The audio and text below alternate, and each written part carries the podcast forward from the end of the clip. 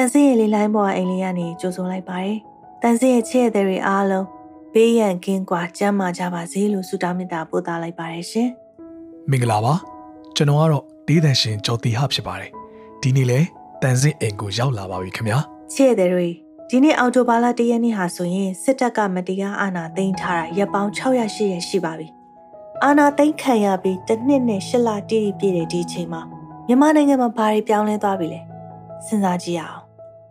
အရင်ဆုံးကတော့ကျွန်တော်ပြည်သူတွေအားလုံးရဲ့လွတ်လပ်မှုတွေပျောက်သွားတာပဲမှ။အလုတ်လုတ်ဖို့သွားဖို့လာဖို့မှတွေထိမ့်ချုပ်ခံရတာမဟုတ်တော့ဘူး။ကိုယ်စိတ်ကူးနဲ့ခံယူချက်တွေအတွေးခေါ်တွေတောင်လွတ်လွတ်လပ်လပ်ကျွန်တော်တို့မှာတွေးခွင့်မရှိတော့ရေးခွင့်မရှိတော့ဟုတ်တယ်အရင်တော့ဆိုလို့ရှိရင် social media ပေါ်မှာပညာရဲ့အစုံလေ့လာနိုင်တယ်ဝါသနာပါရာလေးတွေလုံရင်းကနေအသက်မွေးဝမ်းကြောင်းနိုင်တဲ့အဆင့်ထိစ조사ရင်စ조사သလိုအောင်မြင်နိုင်တယ်နိုင်ငံရေးလူမှုရေးအသည့်တွေကိုလေ့လာအောင်မလားရတယ် နောက်ပြီးကိုရွေးထားတဲ့အစိုးရလှုပ်တာမဟုတ်ရင်ဝေဖန်အောင်မလားဖမ်းပြီးအသက်ခံရမအောင်မကြောက်ဘဲနဲ့ရေးလို့ပြောလို့ရတယ်လေဟုတ်ပါမတန်စီအခုတော့ကိုသဘောကျတာလေး like လုပ်တာ share တာတော့မှပုံမှန်ကြီးငယ်တွေနဲ့ဖမ်းမယ်တို့ဘာလို့ချင်းချောက်ခံရတဲ့ဘဝဗျာစစ်အာဏာရှင်တွေကတိုင်းပြည်အုပ်ချုပ်မင်းလုပ်ချင်တာလေဗျာမဟာရယာကြီးပြောလိုက်ရင်တော့တတ်မယ်ဖမ်းမယ်ဆိုတာကြီးပဲသူတို့ကတနိုင်ငံလုံးထောင်ချထားခြင်းနေတာမှတန်စီကတော့လေ သူတို့တွေအားလုံးကိုကျွန်းလေးတစ်ကျွန်းမှာတွားပြီးတော့စုထားလိုက်ခြင်းတယ်သူတို့တိတ်မှန်မောတဲ့စီစိတ်နေလဲအကုန်လုံးမသွားကြသူတို့ကိုမျက်စိစုံမှိတ်ပြီးတော့ကိုးကွယ်နေတဲ့သူတွေလဲလိုက်ချင်တပါဆိုရင်လိုက်သွားကြကျွန်းမမှာကြိုက်သလိုနေပြီးရင်ကျုပ်တို့စီကိုဘယ်တော့မှပြန်မလာကြနဲ့လို့ကျွန်တော်စိတ်နဲ့ဆိုရင်တော့ဗျာအဲ့ဒီကျုံးပေါ် drone နဲ့စော်ချမိမှာဗျာဟုတ်တယ်မလားပြောရမယ်ဆိုရင်ဗျာအသက်60ပြည့်ရင်ဒါပင်စင်ယူမယ်ဆိုတဲ့ဥပဒေရှိနေတာတော့မှ အာနာမတ်တော့ပင်စင်မယူအဲ့တော့ဘာလုပ်လဲသူတို့မဲလိန်နဲ့ဆိုတဲ့အကြောင်းပြချက်ကိုပြပြီးတော့တရားမဲ့အာနာလူတယ်ပြည်သူတွေကိုအခုတည်းကဒုက္ခမျိုးစုံပေးတယ်ကလေးတွေရှိနေတဲ့စာတင်ကျောင်းမှာမချမ်းရဟန့်ရင်နဲ့ပြည်ရဲတဲ့ကောင်တွေဗျာသူတို့သွင်းပေးတဲ့အမုန်းတရားနဲ့ကိုကိုကိုတရားလက်မလွတ်သွားမနေထိတ်ချုံနေရတယ်ဗျာဟုတ်တယ်မောင်လေးစိတ်ရှိလက်ရှိလုပ်ပြချင်တာကတော့လေတန်စင်လဲအဲ့ဒီလိုပဲဒါပေမဲ့ သူတို့ရုပ်တယ်လို့မရုပ်ချင်းကလည်းအတ္တမဘက်သားတွေကိုအနိုင်ယူခြင်းတစ်မျိုးပဲလို့တွေးမိတယ်အနိုင်ကျင့်တဲ့သူတွေကိုဘယ်လိုရင်ဆိုင်ရမလဲဆိုတာနဲ့ပတ်သက်ပြီးအမေရိကန်သမ္မတကတော်မီရှယ်အိုဘားမားပြောခဲ့တဲ့စကားလေးလို့ပေါ့ When they go low we go high သူတို့နှိမ့်ကြရုံမှရင်ကိုတွေကမြင့်မြတ်ပြရမယ်တဲ့သူတို့ကအစတစ်နှစ်ပဲအာနာထိန်းတာလေအရေးပေါ်အခြေအနေက6လပါပဲဆိုပြီးအခုဆိုရင်10နှစ်အုပ်ချုပ်ခြင်းတဲ့အတန်ကြီးထွက်နေပြီ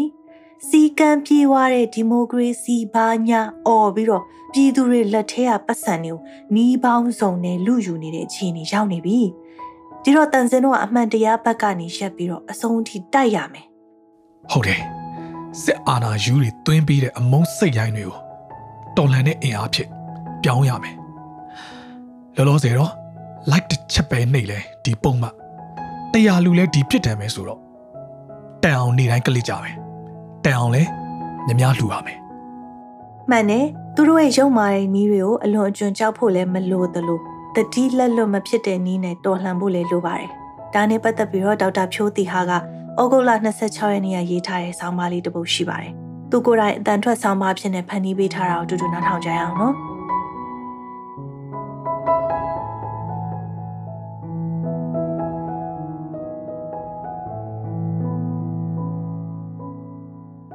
ကြောက်လည်းမလွန်နဲ့ပေါ်လည်းမပေါ်နဲ့ဘယ်အရာမဆိုမစ္စည်းမပฏิပဒါလမ်းစဉ်ကအကောင်းဆုံးပါပဲအခုဆိုရင် friend only post တွေနဲ့တလန်လက်ချက်မိကုန်တာတွေကြားနေရပါတယ်အဲ့တော့အာနာရှင်ဆိုတာကအကြောက်တရားနဲ့အုပ်ချုပ်တာပါသူ့ကိုဆန့်ကျင်နေတဲ့လူတိုင်းကိုဘလို့နီးနဲ့မှမဖမ်းနိုင်ပါဘူးလူတချို့အဖမ်းပြပြီးပဲကျန်တဲ့သူတွေညင်သွားအောင်လုပ်တာကသူတို့နီးလန့်ပါဒါကြောင့်အခုလိုအဖမ်းဆီးတွေမြင်ပြီးတော့ကြောက်ပြီးတော့ online ပေါ်မှာတော့မလှုပ်ရှားရဲတော့ဘူးဆိုရင်အသက်ပေးထားတဲ့သူတွေရင်းထားရတဲ့သူတွေကိုအားနာစရာကောင်းပါတယ်အဲ့တော့ Facebook နဲ့ပဲတော်လိုင်းရေးအရှင်ကိုသုံးသပ်လို့မရဘူးဆိုတာမှန်ပေမဲ့ Digital Strike ကလည်းဒီတော်လိုင်းရေးမှာအရေးကြီးပါတယ် digital strike ဆိုတာ click လို့ရုံနေမဟုတ်ပါဘူး profile campaign တွေ petition တွေ photo campaign တွေအတွေးခေါ်တော်လိုင်းရေးနဲ့စိုက်နာတွေသတင်းစီးဆင်းမှုတွေဒါတွေအကုန်လုံးဟာ digital နဲ့ဆက်ဆက်နေပါတယ် နောက်ပြီးတော့ရှေ့တန်းကနေတော်လန်နေတဲ့ရဲဘော်တွေကလည်းဒီပြည်သူတွေဟာသွေးမအေးသေးဘူးသူတို့နောက်မှာရှိနေသေးတယ်ဆိုတာကိုထင်ထင်ရှားရှားမြင်နိုင်သိနေတာကလည်းဒီ Facebook ပါဒါကြောင့်လည်းတက်နိုင်သမျှပုံမှန်လိုလဲပတ်ပြမနေဖို့ပြောနေကြရခြင်းဖြစ်ပါတယ်အပေါ်ယံကြည့်ဆုံးဖြတ်မရတာမှန်ပေမဲ့ ကြည့်ပြီးတော့ဆုံးဖြတ်စရာကလည်းဒီအပေါ်ယံပဲရှိနေတဲ့အခါကျတော့သူတို့တွေစိတ်အားတက်အောင်မြို့ပေါ်မှာကြံနေခဲ့တဲ့သူတွေကတက်နိုင်တဲ့လောက်ထိမ့်ထိမ့်တင်းတင်းနေနေနေပြီးဖို့ပြောရခြင်းဖြစ်ပါတယ်အဲ့တော့မကြောက်နဲ့ဆိုလို့လည်းလုံးဝကြီးမဆိုင်ရဘူးတင်ကျင်တာတင်နေရမယ်ပေါ့ပေါ့ဆက်ဆက်နေရမယ်လည်းမဟုတ်ပါဘူးသတိထားရပါမယ်ကိုယ့်ဘက်ကဒေါ်လာရေးမှာပါဝင်နေတဲ့လူတယောက်ပါသွားတိုင်းဒေါ်လာရေးတဲ့သူ့ရဲ့ထက်ဝင်မှုကိုဆုံးရှုံးလိုက်ရတာဖြစ်တယ်လို့ကျန်တဲ့လူတွေစီကိုလည်းအကြောက်တရားကပြန့်သွားတတ်ပါတယ်ဒါကြောင့် view site တင်တာဖြစ်ပါတယ်အဲ့ဒီအတွက်ကျွန်တော်တို့လုံခြုံစိတ်ချရအောင်ဘာတွေလုပ်ထားတင်တယ်လဲဆိုရင်တော့နံပါတ်1 အကောင့်ထဲက personal information တွေကိုဖြတ်ပါမိသားစုပုံတွေအိမ်လိပ်စာဆိုင်လိပ်စာပါတဲ့ screenshot တွေစသဖြင့်တိစာလေးပြန်ရှာပြီးတော့ရှင်းထားပါအကောင့်နာမည်ကိုလည်းဖြစ်နိုင်ရင်နာမည်ရင်းမဟုတ်တာကိုသုံးပါနံပါတ်2 friend list ကိုစစ်စစ်ပါစက်တက်ထောက်ခံသူတွေကြောင့်ပဲပြဿနာရှိတာမဟုတ်ပါဘူးဂျားနေတွေနောက်ဆုံးကိုဘက်ကလို့ထင်ရပေမဲ့ရုပ်မာတတ်တဲ့သူတွေကပုံကိုယ်ရေးအမုန်းနဲ့လက်ထောက်ချလိုက်လို့လည်းရတာမဟုတ်လို့ unfriend လုပ်တဲ့ခံစားရရင်လုပ်တာလုပ်ပါအမနာပါနဲ့ တတိယတစ်ချက် friend only post တွေကို friend အားလုံးမဟုတ်ပဲကိုတကယ်ယုံကြည်စိတ်ချရသူတွေပဲမြင်အောင်ကန့်သတ်ထားလို့လည်းရပါတယ်စရုပ်ထအချက် profile lock ချထားပါကိုအ follower မရှိတဲ့တာမန်အသုံးပြုသူဆိုရင်ဒီလိုမျိုး lock ချထားတာဘာမှမဖြစ်ပါဘူးပြင်စမအချက်ပိုကောင်းတာကတော့နောက်ထပ် account အသစ်တစ်ခုဖွင့်ပြီးတော့အဲ့ဒါနဲ့တော်လိုင်းရေးတည်တံ့ post တွေတင်ပါ share ပါ comment ပေးပါ ဘာဖြစ်လို့လဲဆိုတော့ Facebook ရဲ့အလုပ်လုပ်ပုံရ comment များများပေးလေအဲ့ဒီ post ကပို့ပြီးတော့ပြန့်နှံ့နေဖြစ်ပါတယ်။ဒါကြောင့်မို့လို့လဲ Facebook မှာပွဲတွေဖြစ်ပြီးဆိုရင်လူတွေကဝိုင်းမှန်ကြတဲ့အခါကျတော့ post တွေကပိုပြန့်ကုန်တာပေါ့နော်။အဲ့တော့ dollar ရင်းနဲ့ဆိုင်တဲ့ post တွေလည်းအဲ့ဒီလိုများများပြန့်ဖို့လိုပါတယ်။ဒီအတွက် dollar ရင်းနဲ့ဆိုင်တာဆိုရင် comment တစ်ခုခုတော့ပေးတဲ့အကျင့်လေးလုပ်ပေးပါ။အဲ့လိုပေးဖို့အတွက်ကိုအခုပြောတဲ့ account သစ်ကလိုလာတာဖြစ်ပါတယ်။အဲ့တော့ media page တွေ salary တွေရဲ့ post တွေအောက်မှာ comment ပေးမိရာကနေဖန်ခံလိုက်ရသူတွေလည်းရှိနေတော့ကိုမန်းမသိနိုင်တဲ့ account တူကပို့ပြီးတော့စိတ်ချရပါတယ်အဲ့တော့ account တူဖွင့်မယ်ကိုယုံကြည်ရတဲ့မိတ်ဆွေတွေကိုလှမ်းပြောမယ်ဒီ account ကကိုပါဆိုတော့လှမ်းပြောမယ်ဒါဆိုရင် mutual friend လည်းရှိသွားမယ်ကိုမန်းလည်းတော်ရုံတိုင်းကိုအပြင်လူကမသိနိုင်တော့ဘူးတော်လိုင်းရေး post တွေမှာကိုကဝင်ပြီးတော့မှန်တဲ့အတွက်တခြားပွဲတွေ post တွေထက်ပိုပြန့်နေတဲ့အခါကျတော့မြေပြင်ကရဲဘော်တွေလည်းစိတ်အားတက်ရတယ်စက်ထမအချက် အပြင်သွားခံနေတိုင်းရှင်းစရာရှိတယ်ရှင်းသွားပါဥပမာ neck NUG page သုံးနေဆိုရင်ငွေလွှဲစရာရှိမှဒီ page ကိုပြန်ပြီးတော့ install လုပ်လို့ရတယ်အချိန်ပြည့်ဖုန်းထဲမှာထည့်ထားစရာမလိုပါဘူးအဲ့တော့ဒီအချက်တွေကတော့စဉ်းစားမိသလောက်ရေးထားတာပါတခြားလုပ်တဲ့နာတွေရှိသေးရင်လည်းလုပ်ပါမပေါ်စပါနဲ့ digital လုံခြုံရေးကအရေးကြီးပါတယ်အထက်မှာကြံနေခဲ့တဲ့တာမန်ပြည်သူတွေဘလောက်ဖိအားများတယ်ဒီနေ့ဒီနေ့ဂျင်းတဲ့ချက်သေးကနေ ဘယ်လိုဖြတ်တန်းနေရတယ်ဆိုတာကျွန်တော်တို့သိပါတယ်တစ်ဖက်ကလည်းကိုယ့်ရင်ထဲကအကြောင်းတရားကိုတွန်းထုတ်ပါအပေါ်မှာပြောခဲ့သလိုပဲအာနာရှင်ဆိုတာအိမ်ပေါင်းစီလိုက်မဖန်နိုင်ပါဘူးတချို့ကိုအဖမ်းပြပြီးပဲဂျန်တဲ့သူတွေငြိမ်ဝတ်ပြီးပြားသွားအောင်လုပ်တာပါဒါကြောင့်မို့လိုရာထက်ပိုမကြောက်ပဲလှုပ်တဲ့လှုပ်တိုက်တာကိုလှုပ်ရင်ဒီဒေါ်လာရေးမှာတက်နိုင်တဲ့နေရာကနေဝင်ပါပေးပါလူများများပူပါလာလေမြန်မြန်ပြီးမဲ့ပွဲဖြစ်တာမို့အကြောက်တရားကြောင့်ကိုတယောက်တော့ရော့မသွားပါစေနဲ့ခင်ဗျာ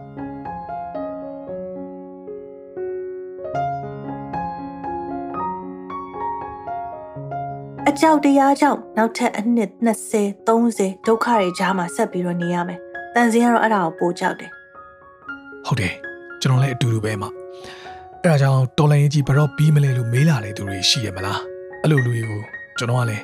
ဘရော့ပြီးမလဲကငါတို့ဘလောက်လုပ်လဲဆိုတဲ့အပေါ်မှာမူတည်တယ်လို့ကျွန်တော်တော့ပြန်ဖြေလိုက်မိတယ်။ဒီလိုမေးခွန်းလေးကိုချစ်ရတဲ့သူစီကနေအမေးခံနေရတယ်။တော်ရင်းတနေရကတော်လှန်ရေးရဲဘော်လေးတယောက်က ပေးစာလေးနဲ့ပြန်ဖြေထားတာရှိတယ်။ရဲဘော် NATG ကမြေကွေလူထုတော်လှန်ရေးစာစဉ်အတွဲ1အမှတ်35ရဲ့ပေးစာကဏ္ဍကိုပေးပို့ထားတာပါ။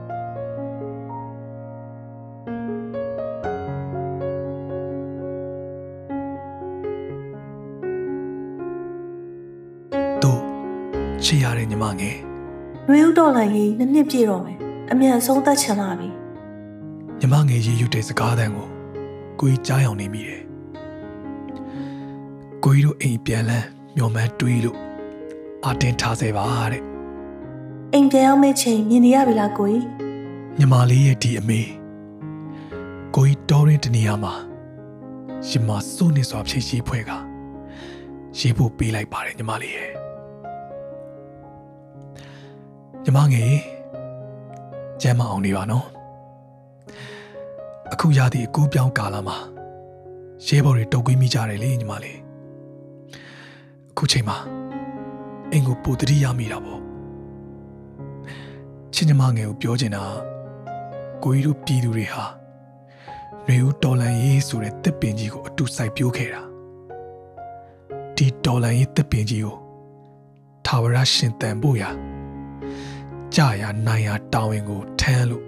ရုန်းကန်ခဲ့ကြတာ အခုဆိုရင်အသီးပွင့်တွေဝေးစားနေတာမြင်နေရပြီလေဒီချိန်မှာဒုက္ခကဲစာအမိဆုံးအခမ်းရဆုံးအခါပဲဆိုတာညီမလေး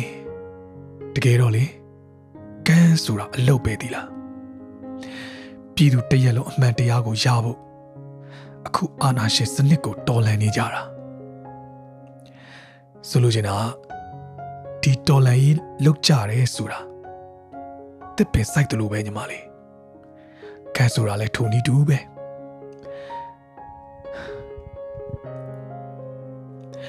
မကောင်းတာလုပ်တဲ့သူတွေဘာမှမဖြစ်ဘူးကောင်းတာလုပ်တဲ့သူတွေကြတော့ခံဘက်ကကြီးဆိုပြီးကန်ကန်ရဲ့အကျိုးကိုမယုံကြည်ကြတာကန်ဆိုတာချက်ချင်းအကျိုးမပေးဘူးလေအချိန်တခုတော့စောင့်ရတဲ့ ညီမလေးတော်လန်ရေးကြီးလဲထိုနည်းတူပါပဲဥပမာအားဖြင့်အခုထမင်းစားခြင်းလို့ချက်ချင်းစားလို့မရအောင်ချက်ရပြုတ်ရတဲ့အချိန်စောင့်ရသေးတယ်လေဟုတ်တယ်မလားပြီးတော့ဝမ်းတို့စီစားလို့ရှိရင်လေချက်ချင်းဝမ်းထပြီးမသွားဘူးလေအချိန်တခုတော့စောင့်ရတာပဲလေသဘောတရားပြောတာပါညီမလေးညီမလေး နေဦးတော်လိုင်းရဲ့တစ်ပင်ကြီးမှာအချို့အသီးတွေအနုလေးနဲ့ကျွေသွားကြတယ်တချို့အသီးတွေကြမရင်ခင်မမဲ့ခင်မှာကျွေသွားခဲ့ရတယ်အချို့အသီးတွေကလည်းရင့်မဲ့ပြီးမှကျွေရတယ်လေအပင်ကောင်းမှလည်းအသီးကောင်းရမှာမို့ကိုကြီးတို့ပြည်သူတွေက ရေလောင်းပေါင်းတင်ညီစီမြေနှစ်ထက်အသီးပွင့်ဝေစာလာပြန်တော့လေပုံမအနေမကြောင်ကိုကြီးတို့ပြည်သူတွေအားလုံးက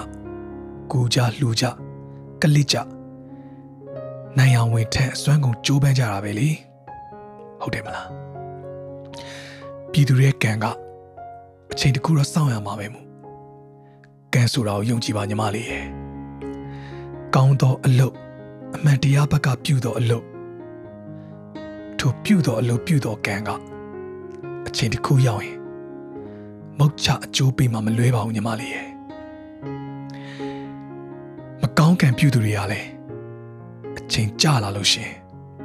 မကောင်းကျိုးကပေးမှအသေးကြပဲအဲဒါကြောင့်ကံကိုယုံပါတော်လိုင်းကိုယုံကြည်ပါလို့ပြောချင်ပါတယ် ကိုကြီးတို့ရဲဘော်တွေအိမ်ပြန်ချင်းမျောမှန်းရင်အန်တီထားတဲ့ညီမငယ်လေးအသီးပွင့်နေအားလုံးမကြွေပဲနဲ့တီးသမျှကြံနေရမယ်ဆိုတဲ့စိတ်နဲ့နိုင်ရပါရမီဖြည့်လို့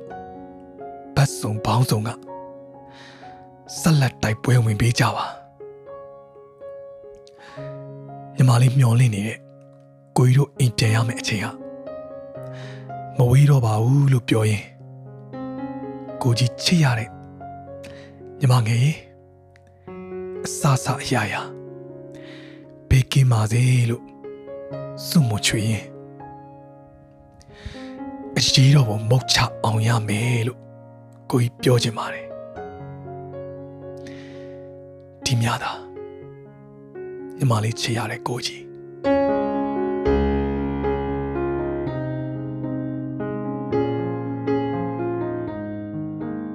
မလေးရဲ့ကိုကြီးအပြုံးတွေနဲ့အိမ်ပြန်နိုင်ပါစေချစ်ရတဲ့တွေအခုလိုချိန်မှာဘသူကိုမှမပြောရတဲ့ရင်ထဲကပူပန်မှုတွေအများကြီးပဲနော်ဒီလိုစကားတွေအတွက်အမြဲအဆင်သင့်ရှိမဲ့ပခုံးတစ်ဖက်ဆိုတဲ့အစီအစဉ်လေးတစ်ခုကို Hazel's Lifestyle Facebook page ပိုင်ရှင်ညီမလေး Hazel ကဖန်တီးထားပါတယ်မက်ဟေဇယ်စီကိုရောက်လာတဲ့စာလေးတစ်စောင်ကိုတန်းစင်အင်ရဲ့ချစ်ဧည့်သည်တွေစီကိုလည်းညှော်ဝေပေးထားပါတယ် ညီမကောင်လေးကတော်လှန်ရေးထဲမှာပါရှေ့တန်းမှာရောက်နေပါတယ်အခုအချိန်အနေနဲ့ညီမအလုံးမရှိသေးတော့ငွေကြေးပိုင်း supporting မပေးနိုင်ပေမဲ့စိတ်ဓာတ်ပိုင်းဆိုင်ရာ supporting ပေးချင်ပါတယ်သူပင်ပန်းနေတဲ့အခါဘလို့စကလုံးမျိုးတွေနဲ့နှွေးထွေးမှုပေးရမှမသိဘူးတခါတလေထမင်းကလို့မစားရတဲ့အခါကျွတ်တွေတွေ့လို့သွေးတွေဘရဝနဲ့ဒဏ်ရာတွေမြင်ရတဲ့အခါမိုးတွေရွာလို့အိတ်ကောင်းခြင်းမအိပ်ရတဲ့အခါသူ့အစာဝမ်းနေရတယ်အဲ့လိုအချိန်မျိုးတွေမှာလေ သူ့အတွက်အားဖြစ်စေမဲ့စကလုံးလေးတွေကိုကသူ့အနားမှာအမြဲတမ်းရှိနေပါတယ်ဆိုတဲ့အကြောင်းကိုဖော်ပြခြင်းနေပေါ့နော်ခတ်တာမပြောတတ်ဘူးဖြစ်နေတယ်အဆက်အသွယ်မရတာလည်းများတယ်တခါတလေကိုကအဆင်ပြေတဲ့ဘက်မှာရှိနေတော့အစားအသောက်ကောင်းတာလေးတွေတွေ့ရင်ဝယ်မစားဖြစ်ဘူးညီမသူ့အတွက်လိပ်ပြမလို့သူကြိုက်တတ်တာလေးတွေတွေ့ရင်လည်းလေသူ့ကိုလွမ်းရတယ်ဝမ်းလင်းနေတယ်သူကရီမှန်းချက်အရန်ကြီးတာ အသက်က20စွန်းစွန်းလေးပဲမဲ့အရန်လေးရင်ကျက်တယ်တခါတလေသူလှုပ်ချင်တာတွေမလုပ်ရဘဲနဲ့ခုလိုလက်နက်ကင်နေရတဲ့အခါဘလို့အားပေးရမှန်းမသိဘူးသူ့အတွက်အချိန်တွေနောက်ကျနေပြီတဲ့သူကခရီးတွေထွက်ချင်နေတဲ့တော်လန်ရေးပြီးသွားရင်အကုန်လုံးနဲ့အဆက်အသွယ်ဖြတ်ပြီးခရီးတွေထွက်မယ်တဲ့အဆက်အသွယ်ဖြတ်မဲ့ထဲမှာညီမလည်းပါတယ်တဲ့သူ့တငယ်ချင်းတွေကြာသွားလို့စိတ်တူဒေါသထွက်တဲ့အခါဘလို့နှစ်သိမ့်ပေးရမှမသိဘူး သူစိတ်လေးအဆင်ပြေနေစေချင်တယ်အပူပင်မရှိဖြူစင်တဲ့ကလေးတယောက်လိုဖြတ်တန်းရမယ့်အရွယ်အပေါင်းအသင်းတွေနဲ့စားလိုက်တောက်လိုက်ပျော်ပျော်ပါပါရှိရမယ့်အရွယ်မှာလောကဓာတ်မောင်များစွာနဲ့ပင်ပန်းနေရတယ်